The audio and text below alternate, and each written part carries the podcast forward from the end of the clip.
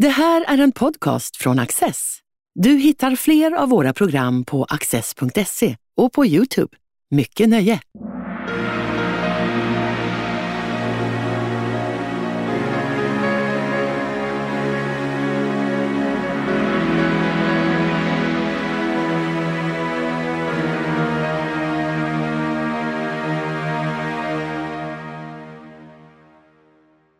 Den 27 januari 1918 gjorde Finlands socialister uppror och bildade en revolutionsregering under socialdemokraten Kullervo Manner.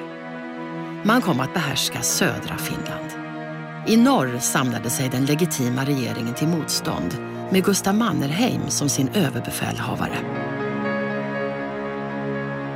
En front skar genom landet från Björneborg i väster till Viborg i öster med Tammerfors som nyckelpunkt och det röda Finlands hjärta. Hur har eftervärlden sett på detta och hur är det rimligt att se på det som skedde?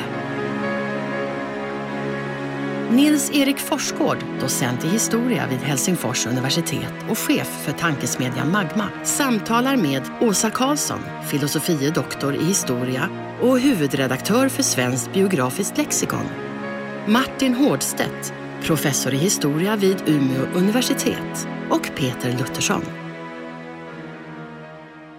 Vad hände i Finland den 27 januari 1918? Ja, det brukar vi säga att, eh, eller det som vi kallar för inbördeskrig i Finland bryter ut. Det finns också andra beteckningar på den här företeelsen, men Förr kallade man det frihetskrig. Ja, det, det, har kallats frihetskriget och det kallas i vissa kretsar fortfarande för frihetskriget. Men, men det grundläggande faktum är att det som hände 27 januari avslutas ungefär i mitten av maj samma år, 1918.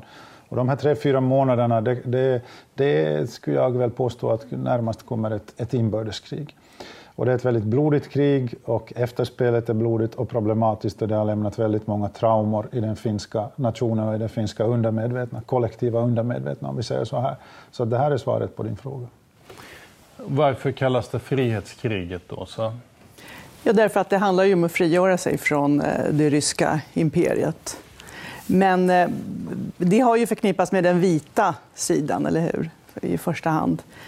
Mannerheim kallar ju det för frihetskriget, ja, ja, till exempel i sina minnen. Om jag förstår rätt så kallar man det för frihetskriget ända in i 60-talet i liksom den officiella historieskrivningen i Finland. Det kommer ut flera verk där just termen frihetskriget är eh, central. Eh, men från, från den röda sidan så uppfattar man inte som frihetskrig, utan det var ju en revolution som man försökte göra.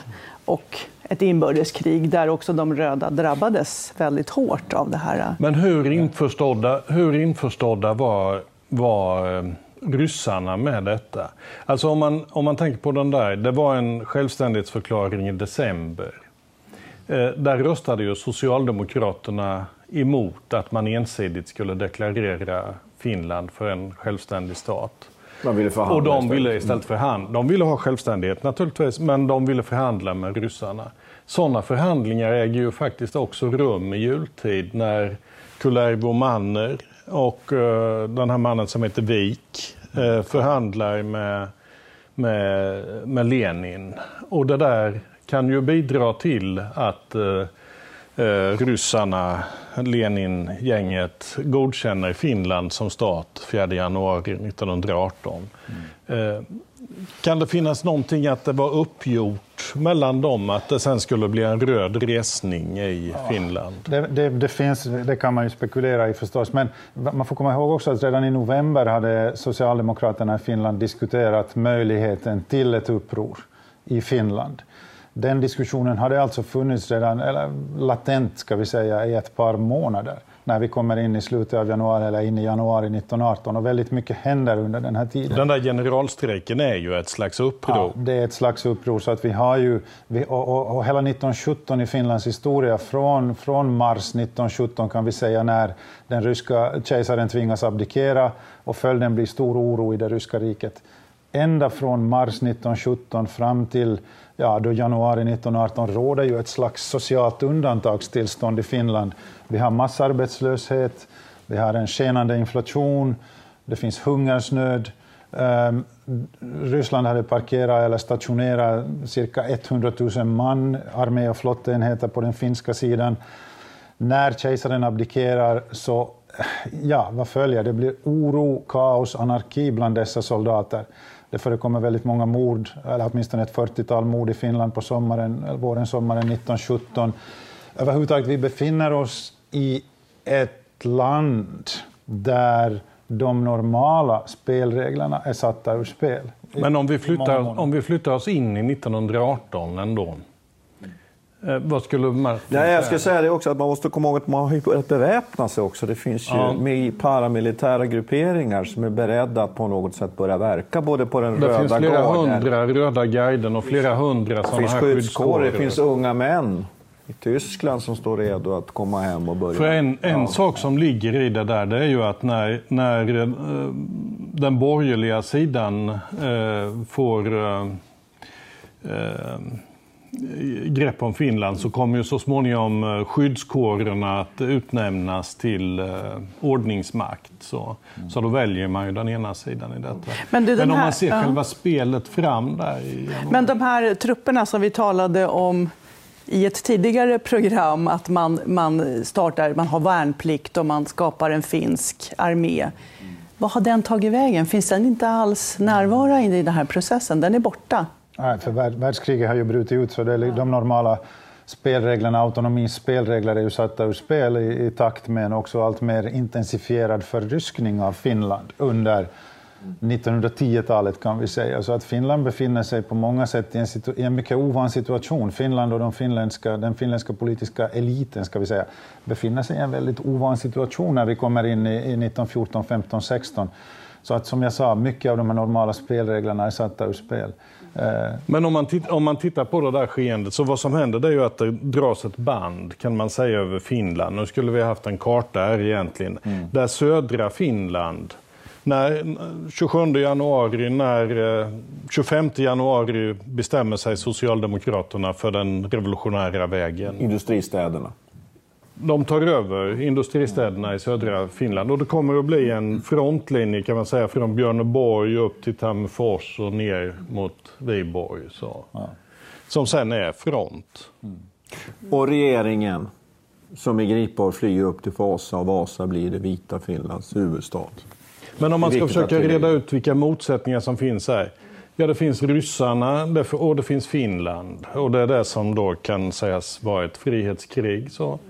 Men sen är det, ju, i detta finns ju naturligtvis också en stark social motsättning med flera dimensioner. Mm. Arbetarklass, medelklass talar man om. Och det är liksom den traditionella bilden. Men hur stämmer den? Eller kan man liksom, är det så här enkla linjer som man det brukar? Finns, det finns väldigt många nyanser i det här. Om man talar om den vita sidan så ska man ju se till exempel att, jag menar, om vi säger att de röda var arbetare och de vita var borgare. Om vi förenklar det på det sättet, gravt förenklat, så ska vi ju också samtidigt se att, att nästan en tredjedel av de som stred på den vita sidan eller betecknar sig som vita i själva verket också var arbetare.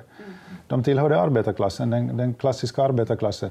Och det här berodde helt enkelt på att de var rädda för en potentiell socialisering av jorden som kunde följa av ett rött maktövertagande i Finland. Det fanns många sådana nyanser i det.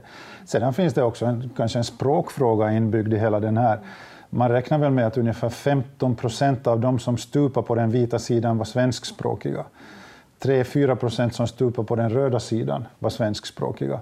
Det säger en hel del om, om fördelningen där.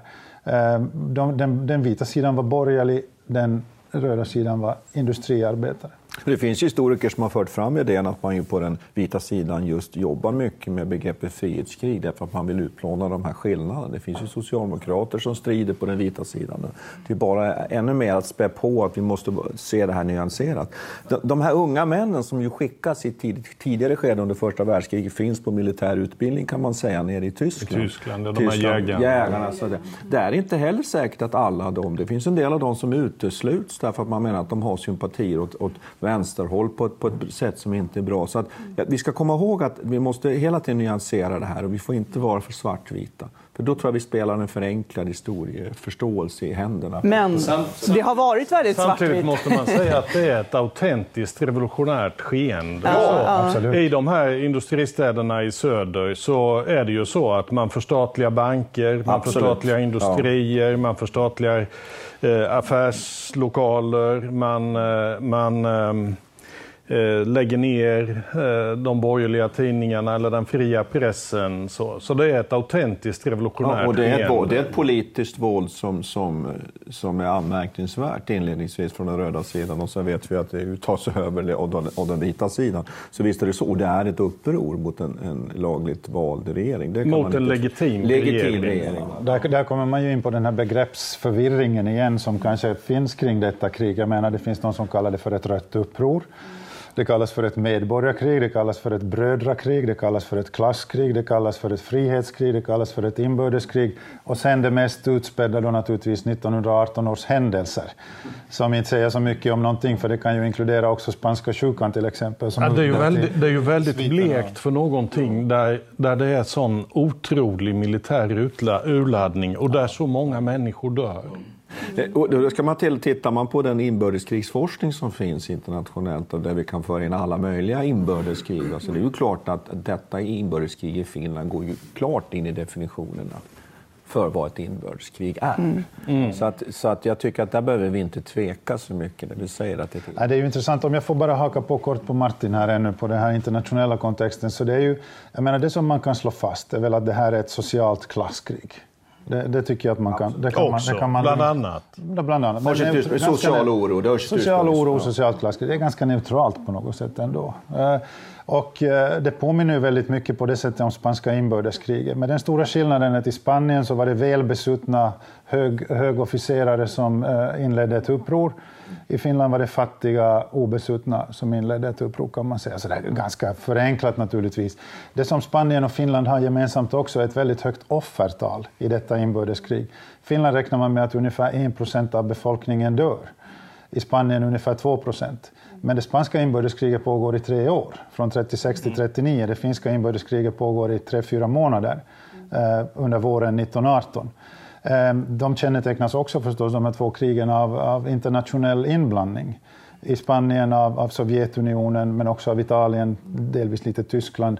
I Finland då, ja, de ryska trupperna kan man diskutera deras betydelse, men där finns också den tyska Så dimensionen. småningom kommer tyska trupper Så också. småningom kommer den tyska dimensionen med i bilden och den ska man inte glömma när man talar om det här inbördeskriget.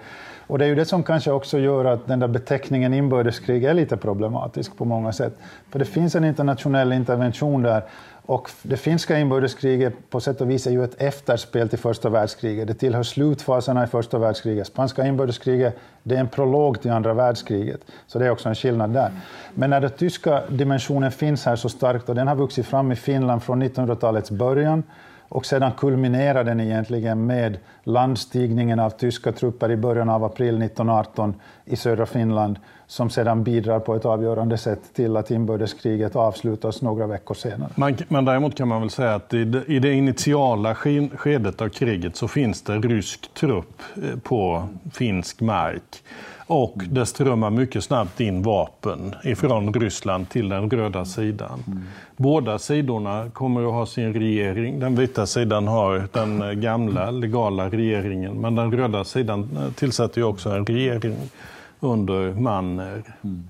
Den stora skillnaden mellan den vita och röda sidan under kriget, sedan när vi tittar på själva krigshändelserna, är ju den att den röda sidan har mycket mer vapen än den vita sidan, åtminstone inledningsvis. Men de har också en sämre utbildad eh, ledning, ska vi säga. För just tack vare de här jägarna som har fått sin utbildning i Tyskland så har den vita sidan en mycket bättre ledning, men mycket färre vapen.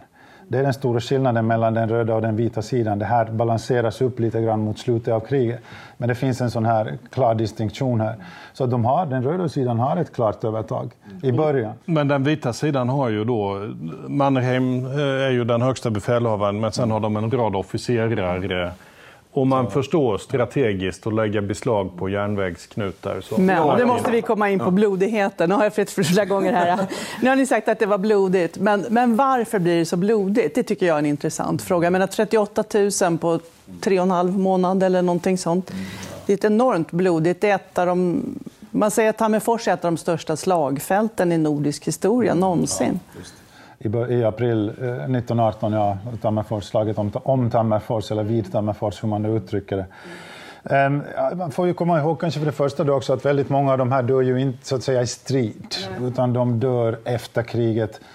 Dels i fångläger, Ja, fler dör ju efter att kriget är militärt Än i strid. Ja, precis. Som det ju är vanligt i krig egentligen. Det, det tillhör ju tyvärr den tragiska dimensionen också av krig, detta att, att följderna ofta är lika dramatiska som, som själva krigshändelserna.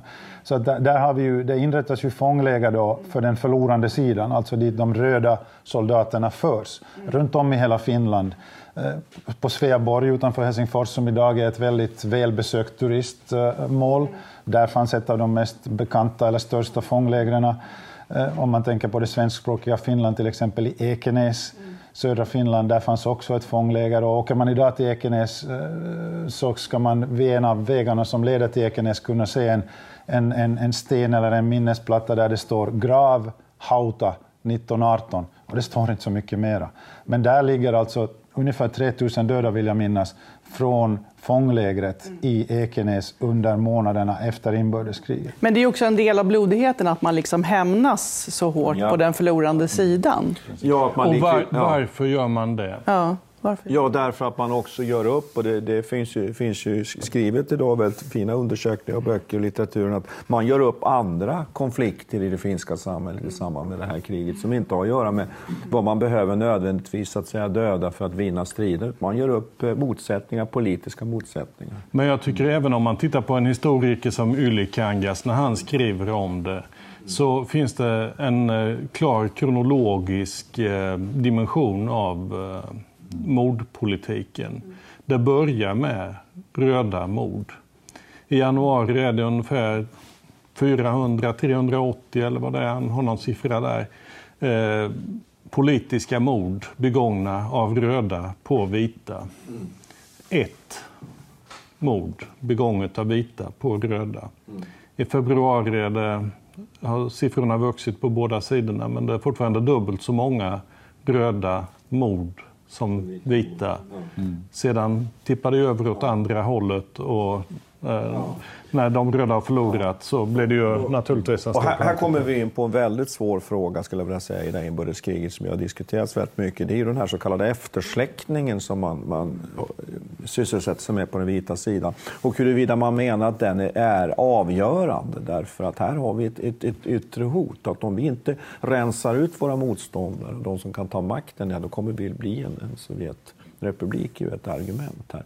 Och där man ju då går fram som du säger och där är så små tippar över till förfärande siffror till på den, med vita mord så småningom. Men jag skulle vilja uppehålla mig lite vid kriget fortfarande.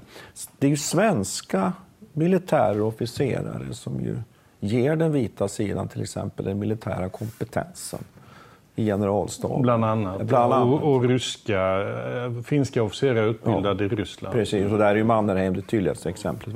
Så att det är ju ett amatörkrig på sätt och vis egentligen lite också som spanska inbördeskriget är. Och det är ju möjligt att detta hör ihop med det vi pratar om också, den här blodigheten. Att det här kriget är inte bara, man är inte med och man ställer inte upp i detta krig bara därför att man vill försvara om något patriotiskt eller någonting sånt. Utan Det här handlar ju om inre motsättningar, man vill hämnas, man vill ta igen. Men det finns å andra sidan också, det vet vi i litteraturen, som vittnar ju om att man, man vet inte vad man är med i det här egentligen. Vad är det för någonting? Man dras in i någonting, man skickas till fronten, man skjuter. Man... Så det är oerhört förvirrat. Det stora slaget är ju det här om Tammerfors som pågår från mitten av mars till början av, eh, av april någon gång. Och där, där deltar ju en svensk brigad också. Så tillvida liknar det ju också spanska inbördeskriget att, eh, att det finns svenskar som strider. 350 man ungefär. Sätts upp och rekryteras i Sverige på, på frivillig väg. Och där vi ju faktiskt har släktingar till Olof Palme bland annat som, som stupar. Ja, som också heter Olof Palme, den Ja, här historikern. Mycket förvirrande. Det är så. Så det är ju en intressant faktum och det finns ju också tyvärr då, då svenska officerare som utmärker sig för sin brutalitet under det här inbördeskriget. Så man måste räkna in hela tiden den här dimensionen av, av, av andra faktorer i ett sånt här inbördeskrig som blir tydligare. Alla krig är förfärande men det är så att man ställs mot bröder, mot släktingar, mot grannar i det här kriget. Ja, å ena sidan, förlåt, eh, men, men om, om man tänker, om just jämför också med spanska inbördeskriget, det finns, jag menar efter kriget så införs militärlagar i Spanien. Men Finland återgår ändå ganska snabbt till en slags eh, demokratisk väg. Vi har kommunalval redan på hösten 1918, där vi har val redan på hösten 1918. Det är ganska snabbt efter ett blodigt inbördeskrig med så många döda. Eh, men det som ju gör de här ehm, utrensningarna, om vi kallar det så, för det är nästan det bästa ord man kan använda, eh, så obehagliga i Finland i samband med 1918 är ju att offer dödas inte på grund av vad de har gjort, utan på grund av vad de tänker ja. eller tros tänka, eller antas tänka. Mm. Och det är ju dynamiken i den här eftersläckningsidén. Ja. Att man, man ja. Det här är problematiskt. För där, där, där, där, ju, det finns ju inget rättsligt efterspel till 1918. Det har ju, vi, vi i Finland har aldrig gjort upp rättsligt med 1918. Jag vet inte om det är nödvändigt, men vi har inte gjort det. Men när man ser på det som hände 1918 så ser man i alla fall att att det sätter ju lite grann hela den västerländska rättstraditionen ur spel. De här ståndrätterna som de kallas, som inrättas av de vita i slutskedet av kriget, där folk döms snabbt och arkebuseras utan möjlighet att överklaga domarna också. Det, det, det, det, finns en sån dimension i det. Och där finns ju en dimension att det är en ny stat också som ska finna sin väg och det är ju heller inte så oerhört enkelt utan eh, eh man kan säga att Mannerheim tågar in i, i Helsingfors då i mitten av maj eh, som segrare i eh, inbördeskriget. Men sen lämnar han ju snart eh, Finland och går i exil i England därför att eh, Finland väger, väljer en annan väg och ställa sig under tysk militär eh, kontroll. Så. Men det, orden etnisk rensning finns ju ibland i litteraturen kring de här 2000 ryska soldaterna som, som avrättas.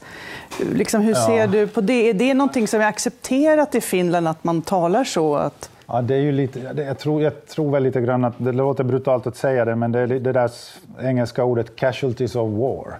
Liksom det, det, finns alltid en sån här summa människor som dör av olika andra orsaker än nödvändigtvis krig. Men här får man komma ihåg då att, att Lenin hade ju alltså egentligen då beviljat Finland, han hade i ett tal på hösten 1917 sagt att nu handlar det om folkens självbestämmande rätt här och han hade utlovat detta då och sagt att, och det, och det här blev en signal också till Finland att, eh, att det finns en möjlighet till självständighet här.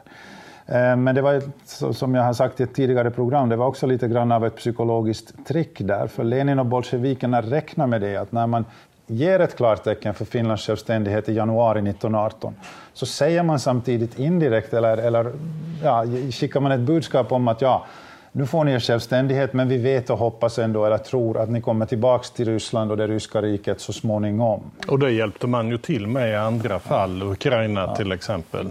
Exakt. Eh, så den, den dimensionen tycker jag också att man inte ska glömma bort. Men, det, men just, just här att det är också väldigt svårt att ta ställning till den här frågan om det här tänk om, vad hade hänt, tänk om. Att man kanske på den vita sidan tänkte att om vi inte går fram så här hårt så finns risken att vi blir en en bolsjevikrepublik och så vidare. Och det var väl en otroligt autentisk risk om man tittar på ja, vad som hände ja. i Georgien, Armenien, ja, Azerbajdzjan, då, då skulle man kunna säga Ukraina, då i någon mening, det. om vi nu ska diskutera sådana frågor, att det fanns någonting som då var rätt i att göra detta. Och, och sen samtidigt som, som Nils-Erik säger, man övergår ganska snabbt till något sorts normaltillstånd. Här har vi en stat som på något sätt ändå har sanktionerat den här typen av ett av de, ett av Men de... våldet är ju inte symmetriskt, eh, tycker jag. Nej. Alltså för att, nej, att nej. Eh, ett revolutionärt våld mot en äh, legitim regering är inte samma sak som den legitima regeringens våld åtgärder, våld emot mm. den revolutionära. Mm.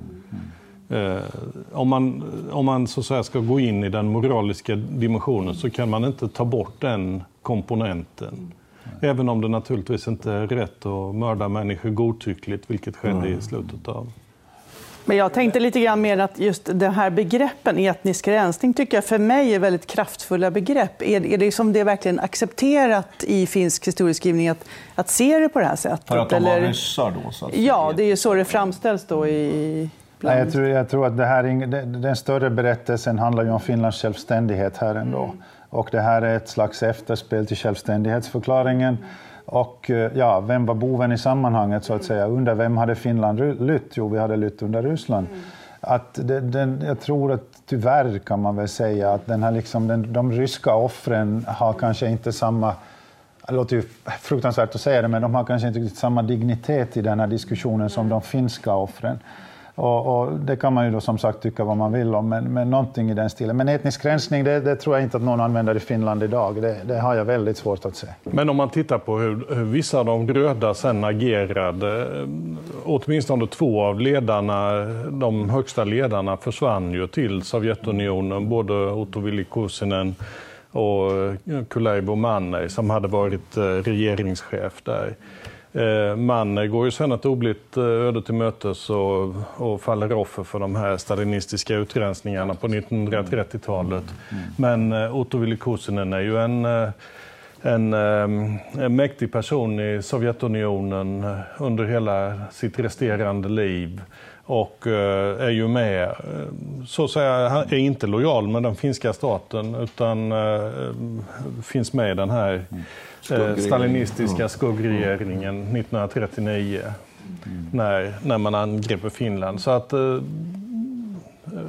eh, en berättigad oro för att det fanns de som kanske tyckte att Finland mådde bäst i Sovjetunionen.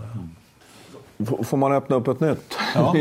Nej, och jag, jag tänker på efter, efter, efterspelet och hur man hanterar det här idag i så att säga, den finska, där man ju ändå måste säga att oavsett nu hur, vad vi kommer till försvar på de här frågorna så, så är det ju intressant att vi har ju hjältagravarna. Vi vet var vi kan hitta de vita offren. Men som du var inne på här redan, vad har vi de röda och hur gör den finska staten idag?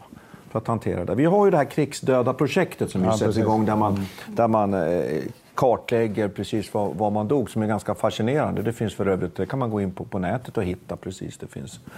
Men den, den frågan tycker jag är viktig att ta upp här. Vad gör man idag för att hantera det? Ja, det är mycket, mycket problematiskt det där och siffrorna är ju väldigt svåra. Vi vet ju inte med säkerhet hur många människor som dog under inbördeskriget fortfarande. Det, kom, det kommer vi aldrig att veta.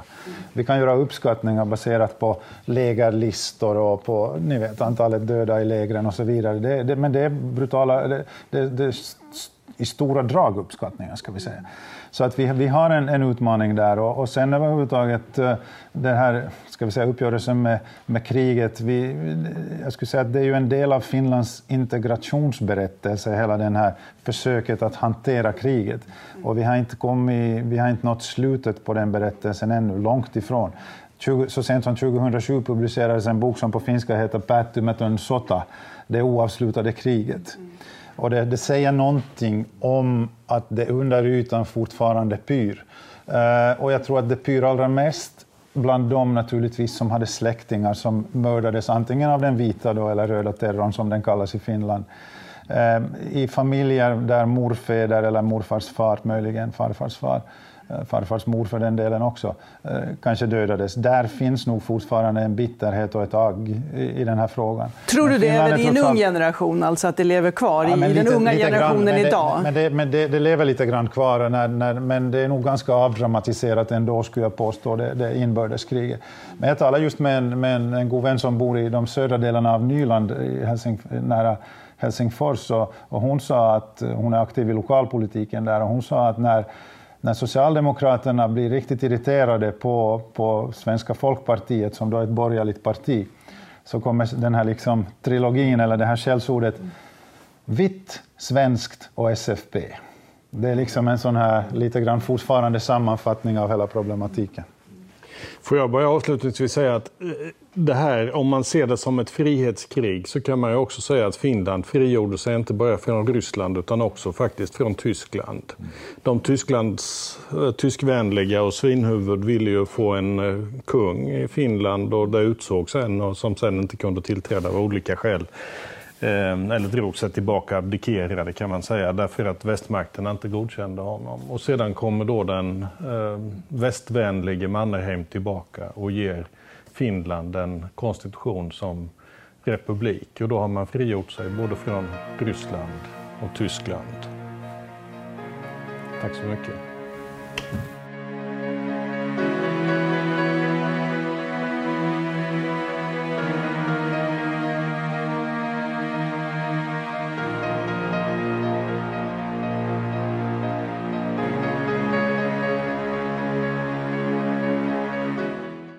Du har just lyssnat på en podcast från Access. Du vet väl att vi också är en tv-kanal och tidning? Teckna en prenumeration idag på access.se.